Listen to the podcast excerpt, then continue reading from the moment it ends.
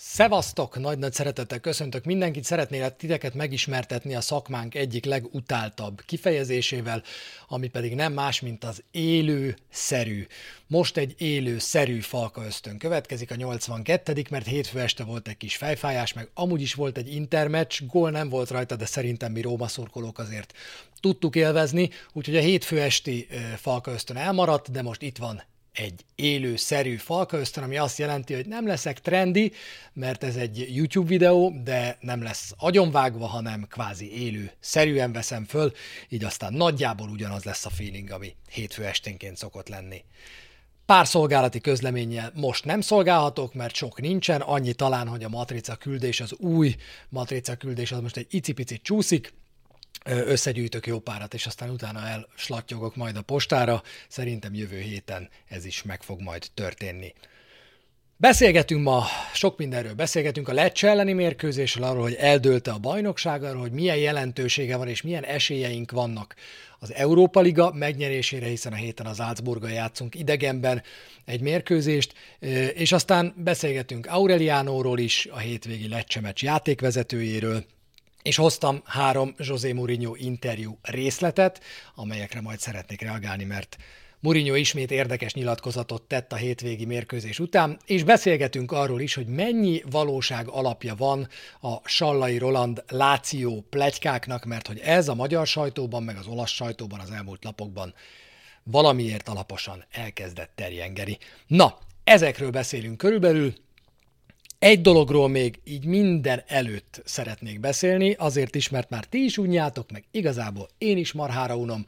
Nicolò Zaniolo édesanyja megszólalt a héten, adott egy nyilatkozatot, szerintem aki olvasta, az olvasta, aki akarta, az olvasta, aki nem olvasta, az meg nem véletlenül nem olvasta.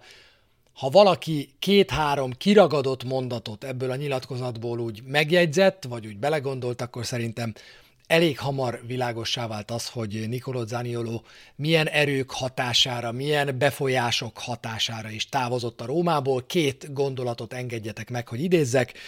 Az egyik az, hogy természetes, hogy a csapat ott áll valaki mellett, aki sérült. Ebben a mamának igaza van, a Róma pontosan ezt is tette. Az már szerintem kevésbé természetes, hogy egy klub a második sérülés után másfél évig szó nélkül kitart és játék lehetőséget biztosít.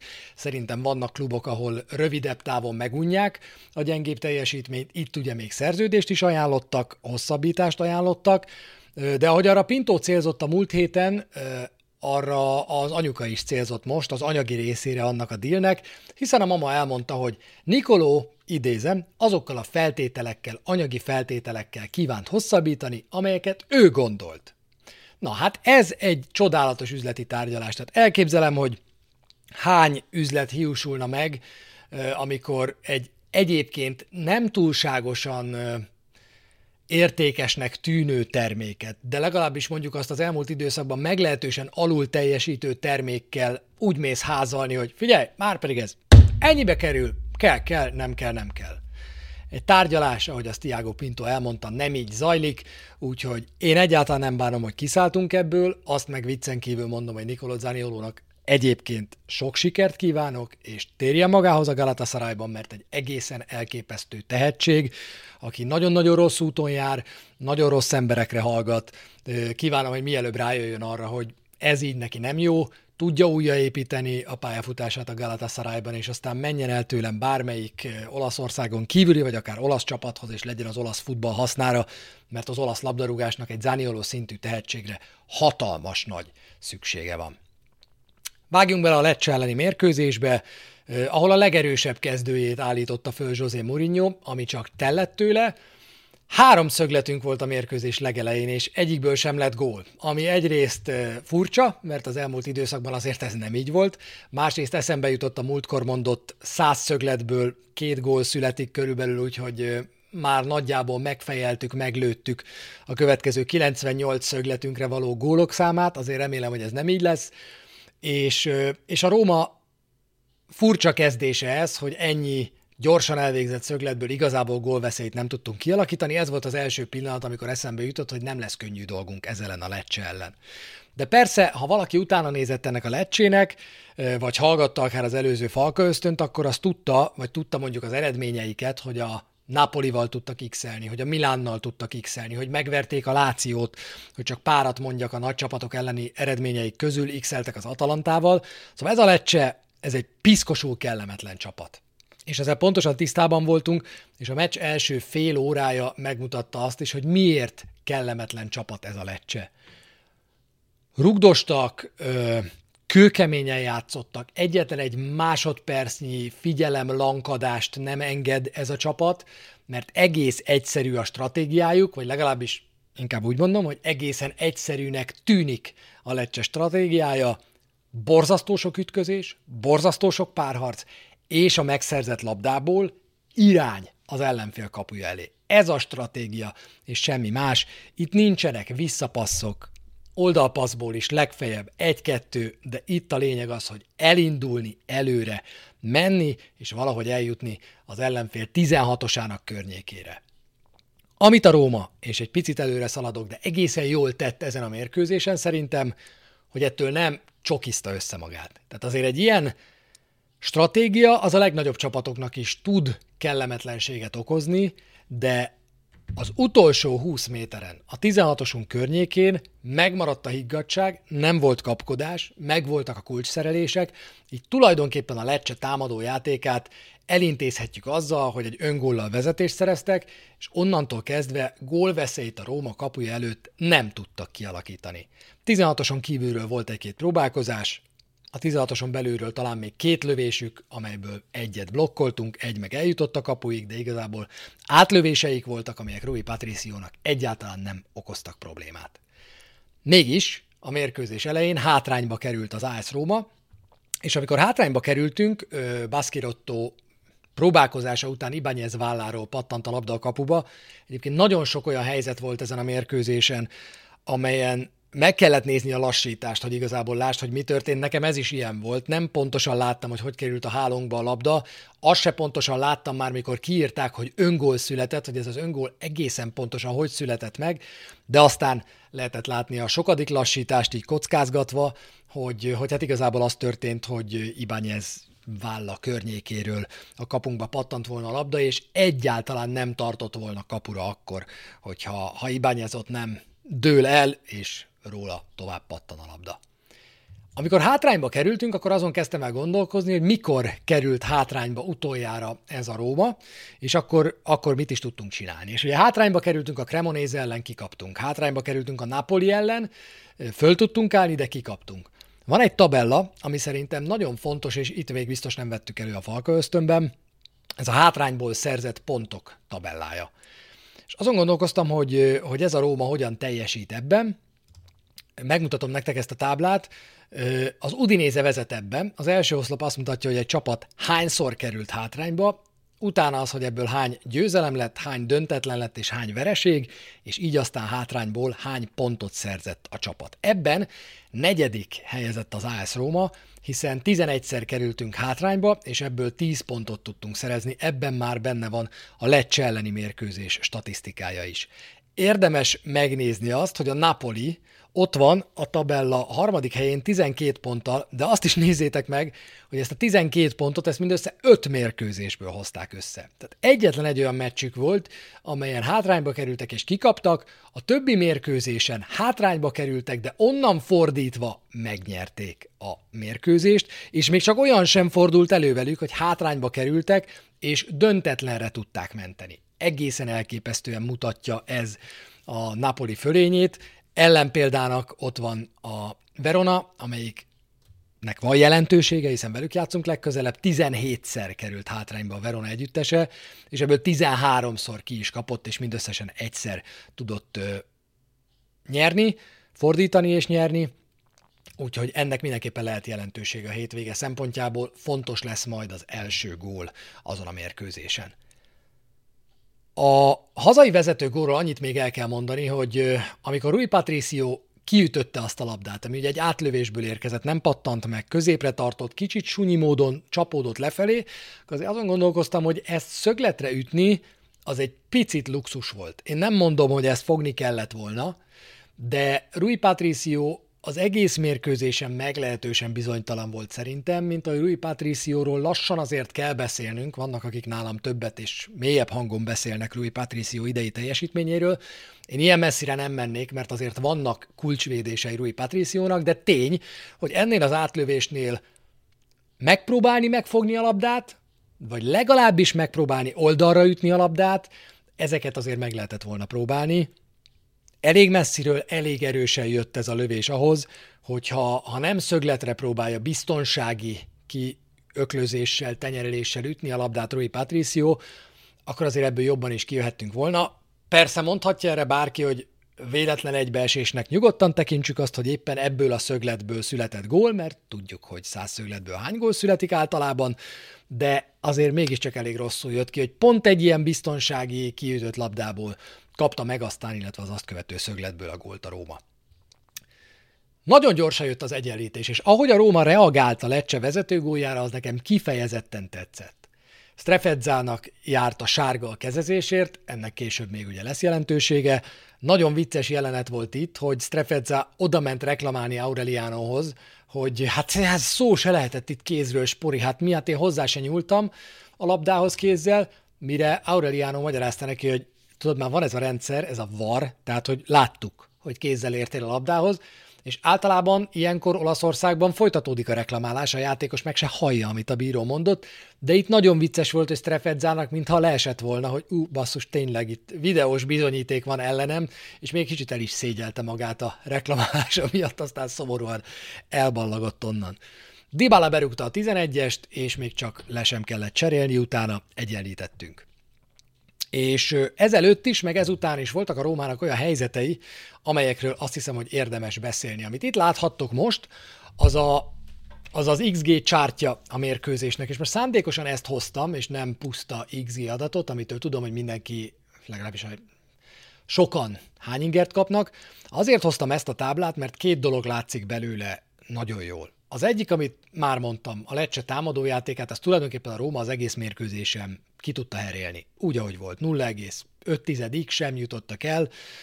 Ez szerintem egy teljesen vállalható XG mutató, nincsenek benne nagy helyzetek, ugye apró pici lépcsők vannak, ami azt jelenti a kék lecsét jelképező kis emelkedőben, hogy apró helyzeteket, lövéseket engedett igazából a Róma nekik.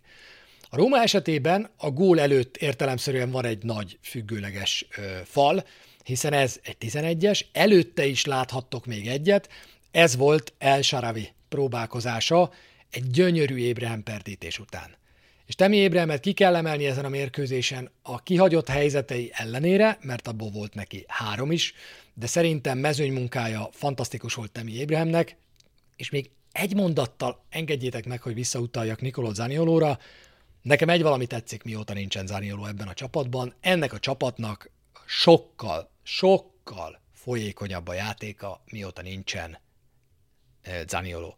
Nem ragad be a labda senkihez. Ha bárkihez beragad, az általában Dybala, és abból tudod, hogy lesz valami, mert tolja, tolja, de csak szöget keres igazából egy jó passzhoz, Úgyhogy ennek a csapatnak sokkal szebb lett, sokkal jobb lett, sokkal fluidabb, folyékonyabb lett a játéka, ami szerintem, szerintem nagyon-nagyon jó lesz hosszú távon ennek a Rómának. Ott volt egy nagy kihagyott helyzet, aztán volt ugye egy Ébrehem zicser, az a gól utáni nagy magaslat, és így azt láthatjátok, hogy az első 45 perc végére megérkezik a Róma úgy majdnem két gólhoz, több mint másfél gólhoz. Aztán a második félidőben nem lesz nagyon semmi, amiről majd értelemszerűen külön kell beszélgetnünk.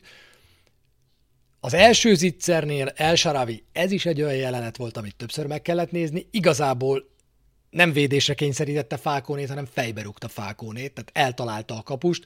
Nagyon magasra pattant azért a pördítés után a labda, tehát nehéz lett volna ezt pontosabban lőni El Sharavinak. Elakadt a kapusban.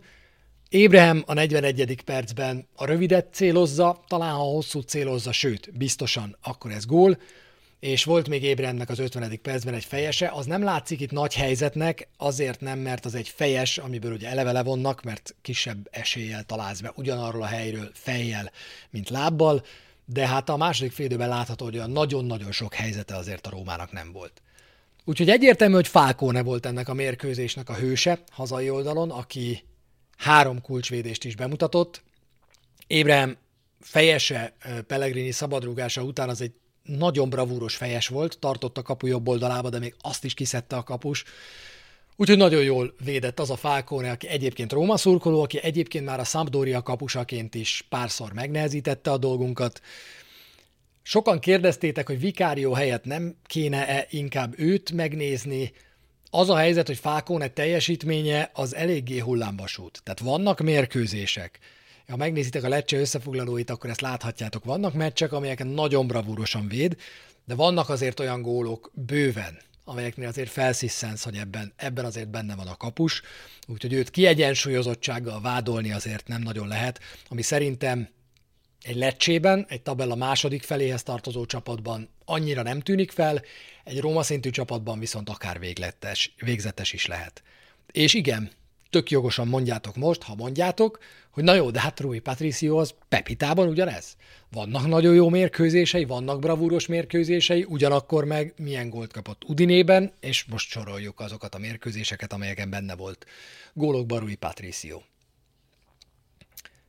Rui Patricio védési hatékonysága idén az a szezon második fele. 70% a szezon nem, a mezőny második fele. 70% alatt véd Rui Patricio, tavaly azért jóval 70% fölött védett. Van nagyon sok meccs, ahol a védelem megoldja előtte a feladatokat, úgyhogy nincsen nehéz dolga. Ilyen volt ez a mérkőzés is. Ha itt nincs az öngól, akkor Rui Patriciónak nincsen dolga, viszont az tény, hogy egyre több olyan mérkőzés van, amelyen azt mondhatjuk, hogy ha Rui Patriciónak dolga van, akkor ott izgulnunk kell.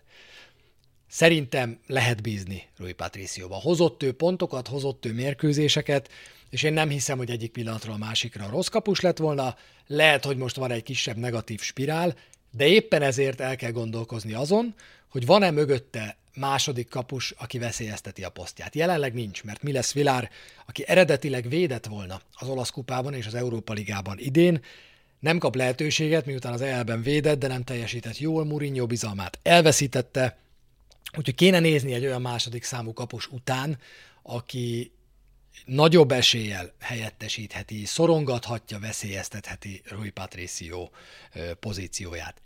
Egy kapus esetében a lelki állapot mindig nagyon fontos, meg nem csak a lelki állapot, a lelki berendeződés is. Van kapus, akinek bitangiót tesz az, ha van mögötte egy állandó veszély, egy második számú kapus, aki tudod, hogyha rosszul védesz, ott áll lesben mögötted, és ő fog védeni.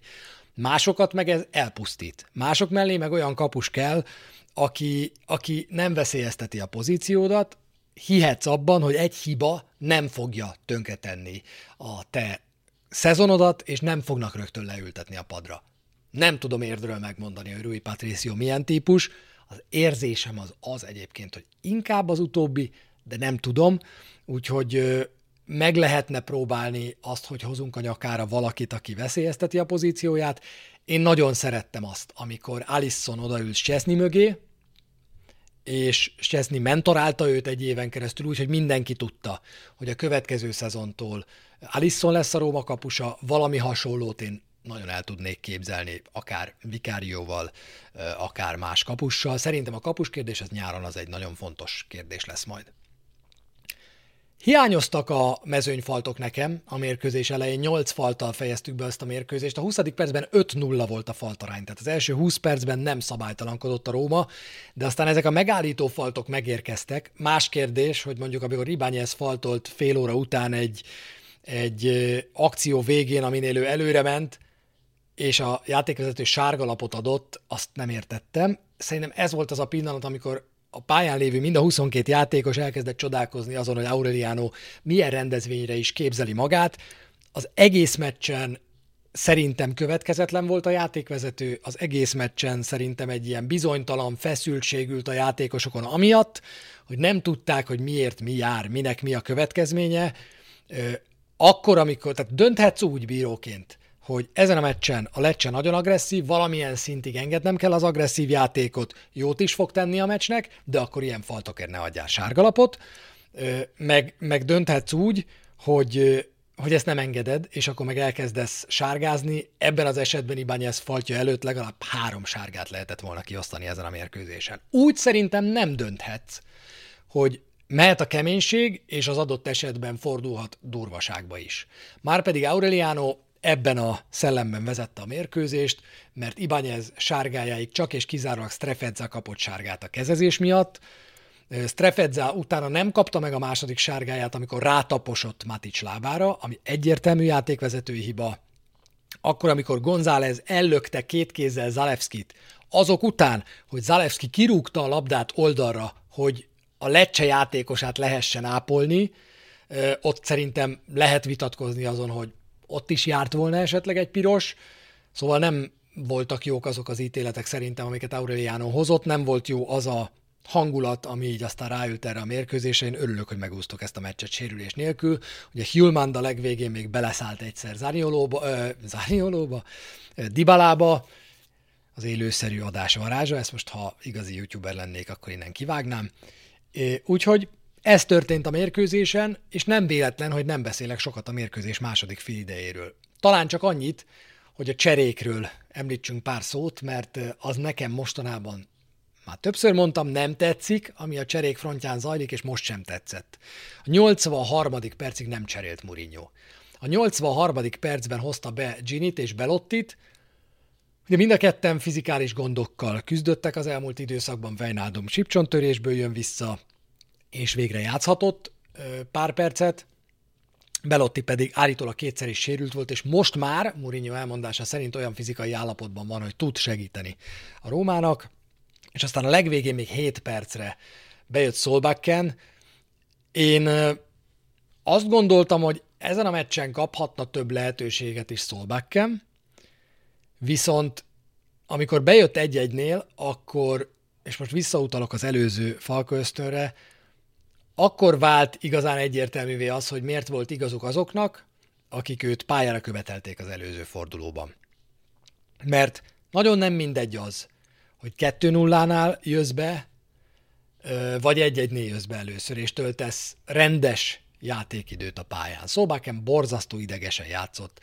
Így, hogy igazából a győzelemért kellett menni, nyomás alatt kellett minden támadónak teljesíteni akkor, amikor ő először bejött, nagyon sokat hibázott bele. Háromból két passza jó volt, hétszer ért a labdához, ebből azt, ez ugye azt jelenti, hogy több labdát elveszített, és a harmadik passza meg, ami nem volt pontos, hát az meg úgy körülbelül úgy szállt ki az oldalvonalnál, hogy nem volt Róma játékos 5 méteres körzetében a labdának, egy borzasztó passz volt, úgyhogy még mindig nem mondhatjuk azt, hogy Solbakken bemutatkozott ebben a Rómában. Későn cseréltünk, és szerintem nem cserélt jól José Mourinho. Azt nem értem, hogy egy ilyen mérkőzésen Lorenzo Pellegrini helyett Volpáton miért nem fért volna el. Azért mondom ezt, mert Pellegrinit ezúttal fájdalmas volt játszani látni, egyszerűen annyira formán kívül van szegény, annyira nem ülnek a megoldásai, hogy azt nagyon nehéz szavakba önteni. 36-ból 28 passza volt jó a mérkőzésen, négy cselsorozatából egy volt jó a meccsen, de az a 8 passz, azokról kéne beszélni, mert legalább 5-6 olyan alkalom volt, de lehet, hogy mind a 8 ilyen passz volt, amikor kulcspaszt kellett volna adni a Pellegrininek. És nem is voltak ezek túlságosan bonyolult kulcspasszok. Egy beinduló szélsőt elindítani, vagy Dibalának adni egy olyan paszt, amiből ő legalább négyet ötöt adott a társaknak a mérkőzésen, és egyszerűen Pellegrininek minden, de tényleg úgy éreztem, hogy az összes ilyen labdája rossz volt ezen a mérkőzésen. Úgyhogy volt hely, volt terület a Lecce védelme és középpályája között a második félidőben, leginkább azért nem volt helyzetünk a szünet után, és nézzétek meg újra ezt a, ezt a, az ábrát, mert azért látszik, hogy a félidőt követően hát egy fél gólnyi helyzetet se tudtunk kidolgozni, a 60. perc után meg meghalt a játékunk. Tehát onnantól kezdve meg mezőnyfölényünk volt, de helyzetünk nem volt a mérkőzésen, sőt, ha szigorúan veszem, akkor mezőnyfölényünk se nagyon.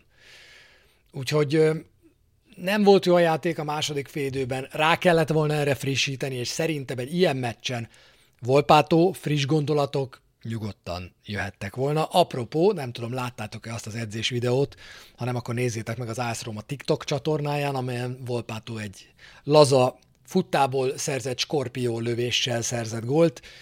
Volpátót én ezen a meccsen bedobtam volna. Nem azért, mert híve vagyok annak, hogy nyomás alatt fiatalok jöjjenek, hanem azért, mert semmit nem vesztett volna ez a csapat azzal, ha Lorenzo Pellegrini az utolsó negyed órában nincs pályán hozzátenni, ott már semmit nem tudott. Na, ennyit a mérkőzésről, a mérkőzés után pedig beszélt José Mourinho. A loro che hanno questo stile di, di gioco, sono aggressivi, sono fortissimi e la seconda palla, quando recuperano il pallone si sente subito un, un click di velocità in transizione, dà anche un po' di tranquillità all'avversario perché l'avversario sente che quando perde palla eh, che c'è subito eh, loro aggressività nel, nel, contropiede. Partita difficile, io mi aspettavo difficile così, um, ovviamente volevamo vincere, però non vado per niente dispiaciuto con i miei. Ezt mondta tehát a lecséről és az eredményről José Mourinho, nem tudok eléggé bólogatni hozzá. Ami meglepő, hogy Mourinho teljesen higgadt volt, nyugodt volt a mérkőzés után, úgy elfogadta ezt az X-et, azt mondta, hogy figyeljetek, őszintén, ebben ennyi volt. És ebben igaza van. Mint ahogy nekem tetszett az, ahogy a Róma reagált a hátrányra, mint ahogy nekem tetszett a játékunk a, azután, hogy sikerült kiegyenlítenünk, tetszett az, hogy a játékosokon azt láttam, hogy nem normális az, hogy itt hátrányba vagyunk, egyenlíteni kell, és utána gyorsan meg kell szerezni a vezetést. Más kérdés, hogy ebben a csapatban, és erről sokat beszélünk, nincs több, mint három nagy helyzet kidolgozása egy mérkőzésen. És itt most álltunk szembe háromszor Fákónéval, volt három nagy helyzetünk, ha ezeket kihagyjuk, akkor ebben a csapatban, támadójátékban ennél több nincs. Tehát én azt hiszem, hogy kidolgoztunk annyi helyzetet, amennyit ki tud dolgozni ez a csapat, figyelembe véve, hogy Mourinho hány embert enged támadni, hány embert enged a labda elé, ennek a rendszernek itt van valahol a teteje.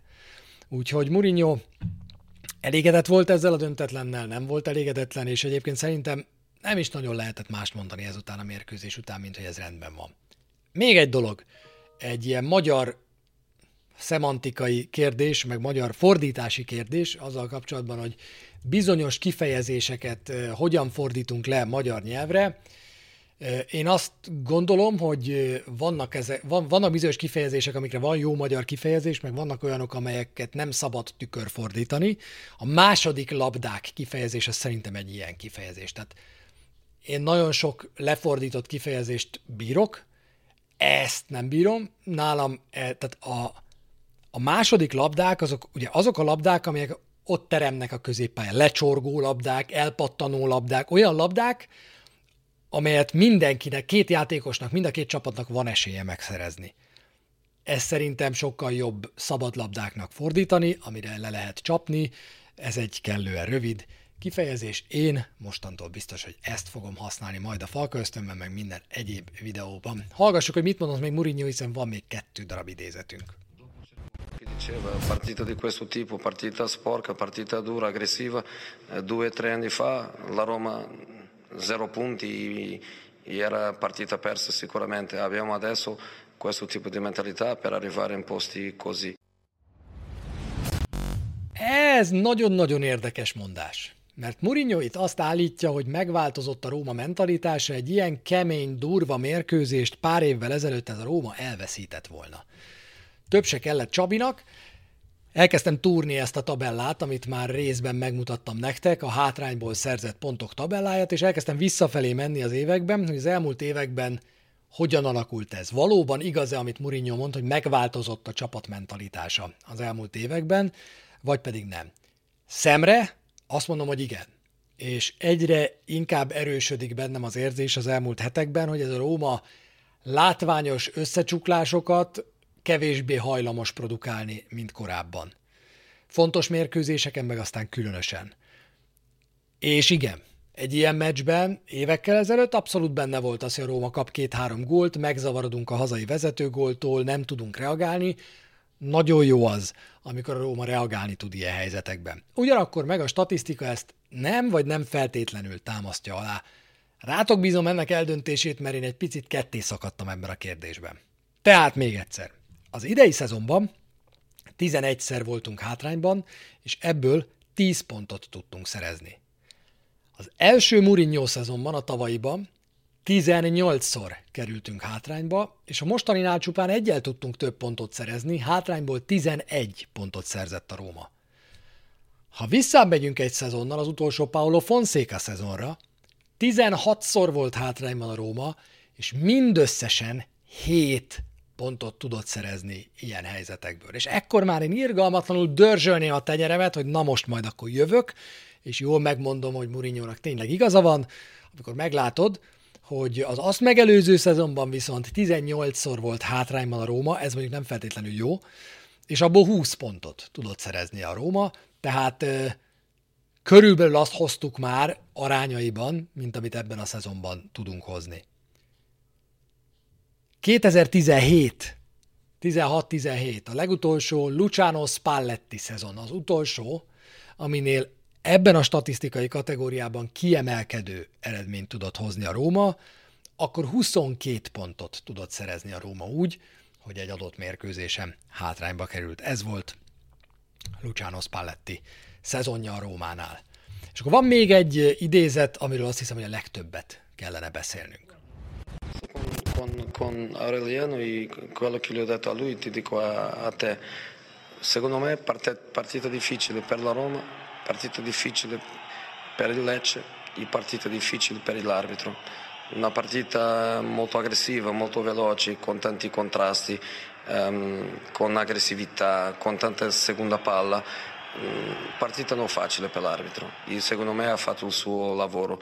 Dopo vedere nel, nel, nell'iPad um, è sicuramente un, un secondo giallo per Strefesa, ovviamente un secondo giallo che sicuramente poteva cambiare la direzione della partita, però um, se tu non mi fai la domanda io non parlo del, dell'arbitro perché secondo me Aureliano ha fatto il suo, il suo meglio e ha anche lasciato la partita avere questa bellezza perché qualche volta quando si parla di bellezza nel calcio si parla solo di, delle meraviglie che, che, che, qualco, che, qualche giocatore fantastico fa però c'è anche bellezza in, in partite come queste freddo, campo non bene, due squadre a lottare tanto per i, per i punti, la squadra più piccola a fare tutto per um, avere il suo punto, la squadra che vuole vincere a cercare di farlo fino all'ultimo. Secondo me una buona partita. Több szempontból érdekes, amit Mourinho mondott, ugye azok kedvéért, akik podcastként hallgatják. Röviden, azt mondta, hogy egy ilyen meccs is nagyon szép, nem csak az, amikor csodálatos játékosok fantasztikus dolgokat művelnek a pályán, hanem egy ilyen harcos meccs, amelyen a kis csapat mindent megtesz az egy pontért, a másik pedig nyerni akar, és ebből kerekedik egy ilyen kőkemény mérkőzés, akár egy rossz minőségű pályán, mint amilyen ez is volt, de ez is egy szép meccs. Szerinte pedig a játékvezető jó munkát végzett, nem volt könnyű dolga a Lecsének, a Rómának és, és a játékvezetőnek Aureliánónak sem ezen a találkozón. Ugyanakkor beletette a magáét, és így is kerekedhetett ebből egy szép mérkőzés. Strefedzát persze ki kellett volna állítani, és volt hiba, de, de ez van. Szerintem Mourinho nem így nyilatkozott volna, hogyha a Róma kikap esetleg ezen a mérkőzésen. Nem így nyilatkozott volna Mourinho akkor, hogyha nem egy olyan meccs előtt, egy olyan sorozat előtt vagyunk, meccs sorozat előtt, amelyben a Rómára az eddiginél sokkal nagyobb teher hárul majd, ha nem most kezdünk el heti két mérkőzést játszani, nem hármat, kedves Zsozé. Nagyon tudja azt a portugál, hogy milyen, mikor kell kifogásokat keresni, mikor kell másokat okolni, és mikor kell annyit mondani, hogy gyerekek, ebben ez volt, a játékosai megtették a magukét, most ennyi jött ki. És tudjátok mit? Abban igaza van, hogy most nem kell kifogásokat keresni. Mourinho bármit mond, azért teszi, hogy a csapatának motivációja legyen, vagy a csapatát leteremtse a sajton keresztül, eszközként használja a sajtót arra, hogy a csapatát gardírozza. Az ő öltözői beszéde az a mixzomban kezdődik, amikor meccs utáni interjút ad. És ebben, a, ebben a helyzetben, ebben az állapotban ez a helyes döntés. Hogy Mourinho azt mondja, jól játszottunk, rendben vagyunk. Az elmúlt hetekben ugyanis azért a játék az elkezdett valamerre alakulni. Minusz Cremonese. A kezdő csapatától Mourinho azt kapja, amit nagyjából elvár. Javuló játék, javuló támadó játék, több helyzet, lehetőségek, benne van most az, hogy ebből a Rómából kijön egy sokkal jobb támadójáték, mint amit ősszel láttunk, benne van ebben a fejlődés lehetősége. Ilyenkor nem szabad lecseszni, és nem szabad kifogásokat keresni. Ezért is gondolom, hogy Aureliano dicséretet kapott José Mourinho-tól. Azt mondják egyesek, hogy Mourinho is kapott Aureliano-tól. Elkezdett terjedni egy videófelvétel, amelyen a mérkőzés előtt Aureliano az öltöző folyosón áll, és várja a játékosokat, a Lecce labdarúgói pedig már megérkeztek. És Aureliano nem veszi észre, hogy ott van egy kamera, és ez veszi, amit ő mond, és elkezdi azt mondani, hogy Mourinho hol játszott, milyen csapatban játszott, hol játszott magas szinten, hogy juthat el így valaki ennyire magasra, és aztán amikor észreveszi hátra Sandit, és észreveszi, hogy érkeznek a Róma játékosai, ráadásul Mancinival az élen, akkor elhallgat, még tesz egy ilyen gesztust, és aztán utána befejezi. Nagyon zavarban lévő lecse játékosok mindeközben a környékén, és azóta az olasz sajtó azt találgatja, hogy ez most egy dicséret volt Murinyónak, vagy alázta Murinyót a lecse játékosai előtt. Szemmel láthatóan a lecse játékosok sem tudták ezt nagyon eldönteni, én se tudom, megoszlanak a vélemények azzal kapcsolatban, hogy Aureliano mit szeretett volna mondani ezzel, egy valamiben biztos vagyok. Egy játékvezető ilyet nem tehet. Akár dicsérni akart, akár szidni akart, akár ócsárolni akart, az, hogy egy szériá játékvezető egy mérkőzés előtt a csap, az egyik csapat játékosaival a másik csapat edzőjéről beszéljen, ez nonsense. Ilyet nem lehet csinálni. Tehát ez, száz százalék, hogy elfogultsággal fognak vádolni téged emiatt a pályafutásod egyik pontján, ha nem most azonnal, mert szerencséd van és nem nyúlsz bele a meccsbe, akkor valamikor máskor. Hát, hogy ez, ezt Aureliano, és biztos vagyok benne, hogy ezt százszor elmondják a bíróknak, ugyanúgy, hogy nekünk elmondták a játékvezetői tanfolyamon, hogy a megyében egy szabály van, az öltözőhöz legközelebbi parkolóhely, és háttalálsz be, hogy el tudják pucolni a meccs után, ha ég a ház úgy nekik is elmondják, hogy abban a pillanatban, hogy olyan helyre érsz, ahol kamerák lehetnek, nem ahol vannak, ahol kamerák lehetnek, onnantól kezdve cipzár a szádra, és nem szólalsz meg, nem beszélgetsz a játékosokkal a kötelezőkön kívül. Hát ez van. Na ennyit a Lecce elleni mérkőzésről. Fordítok a kiírt sorrenden, beszélgessünk először az Európa Ligáról. Két sorozatban vagyunk még talpon, bajnokság, Európa Liga, a jó hír az, hogy mind a kettőből el lehet jutni a BL-be. A rossz hír az, hogy Mourinho szerint két fronton nem tudunk helytállni. Emiatt én nem hiszek azoknak a, a mérkőzést felvezető írásoknak, melyek szerint Mourinho a legerősebb csapatával fog játszani csütörtökön Salzburgban. Én azt gondolom, hogy egy AB csapatot fogunk látni, akkor is, hogyha ez keveseknek fog tetszeni, három-négy embert ki fog cserélni José Mourinho. Dybala, Pellegrini, Smalling, ez az a három játékos, akikről én azt hiszem, hogy pihentetni kéne őket, ebben teljesen biztos vagyok, és akikkel kapcsolatban nem vagyok abban biztos, hogy ott lesznek a kezdőcsapatban, és ha nincsenek is ott, talán még egy vállalható meccset ebből ki tudunk hozni. Pellegrini pótlása tűnik talán a legkönnyebbnek ebből, de én nem tartom azt kizártnak, hogy Dybala helyén Solbakken megkapja a kezdőcsapatban a lehetőséget, ez szerintem a tökéletes alkalom erre. Nem tartom kizártnak, hogy Ébrahim helyett Belotti kapja meg a lehetőséget, hm? és nem tartom végül kizártnak azt, hogy Weinaldum több szerepet kapjon, sőt ebben szinte biztos vagyok, de hogy Gini Weinaldum, várjátok, lehet, hogy Szolbakken nem is lehet ott az elmérkőzésen, akkor jó, hogy így okoskodok. Szóval, hogy Weinaldum, ezt nem tudom, ezt majd meg kell nézni, hogy Weinaldum több lehetőséget kapjon, azt én nagyon-nagyon szeretném, és azt is gondolom, hogy ez meg fog történni. Lássuk, hogy, hogy mire lehet képes Gini Wijnaldum. Akár kezdőként most nem kapott azért olyan nagyon-nagyon sok lehetőséget, úgyhogy hm, azért az, azért az kérdés, hogy mi van, nézem a várható kezdőt. Igen, Szolbakken nem tudtuk végül benevezni, úgyhogy bár jó lenne, hogyha Szolbakken ezen a mérkőzésen több lehetőséget kapna, de ő nem fog több lehetőséget kapni. Az, hogy Patricio, Mancini, Smalling, Ibáñez, Zalewski, Cristante, Matic, El Sharabi, Pellegrini, Dybala, Ébrahim kezdő legyen, ami ugye a legerősebb kezdőnk, Ebben nem vagyok biztos. Pellegrini helyett megnézném Vejnáldumot, megnézném Volpátót, Belotti, Ébrahim cserét nem tartok kizártnak, és Smallingot én mindenképpen pihentetném a védelemből. ez az Salzburg egy borzasztó fiatal csapat. És ha most egy fiatal csapatra gondoltok, na annál is sokkal fiatalabb. Megnéztem, 24 évesnél idősebb játékos a hétvégén, ennek a csapatnak a kezdőjében egy darab volt. A bal hátvéd, a 37 éves csapatkapitány Ulmer, de egyébként minden játékosuk a védelemtől a csatárokig általában 19 és 22 év között van, és akkor van egy-két öreg róka, 23-24 éves rutincápák, és így áll össze ez az Salzburg. Nagyon fiatalok, egy ilyen fiatal csapattal szemben azt gondolom, hogy Mourinho stratégiája, Mourinho tapasztalata rengeteget számíthat, de vigyáznunk kell, mert ezek úgy fognak menni, mint a veszedelem. Ugye a BL-ből esett ki az Salzburg, a Chelsea és a Milán mögött a Dinamo Zágrábot megelőzve. A Milánnal játszottak egy jó egy-egyet hazai pályán, aztán idegenben kikaptak 4-0-ra. Spinazzola és Karsdorp a keretben lehet, ha már egyszer nem lesz a, a keretben Solbakken. Spinazzola csodás gyógyuláson esett át. Tehát ahhoz képest, hogy két hete azt mondták, hogy egy hónapra megsérült, most már ott lehet a keretben, Karsdorp pedig visszakönyörögte magát. A mérkőzés csütörtökön 18 óra 45 perckor lesz.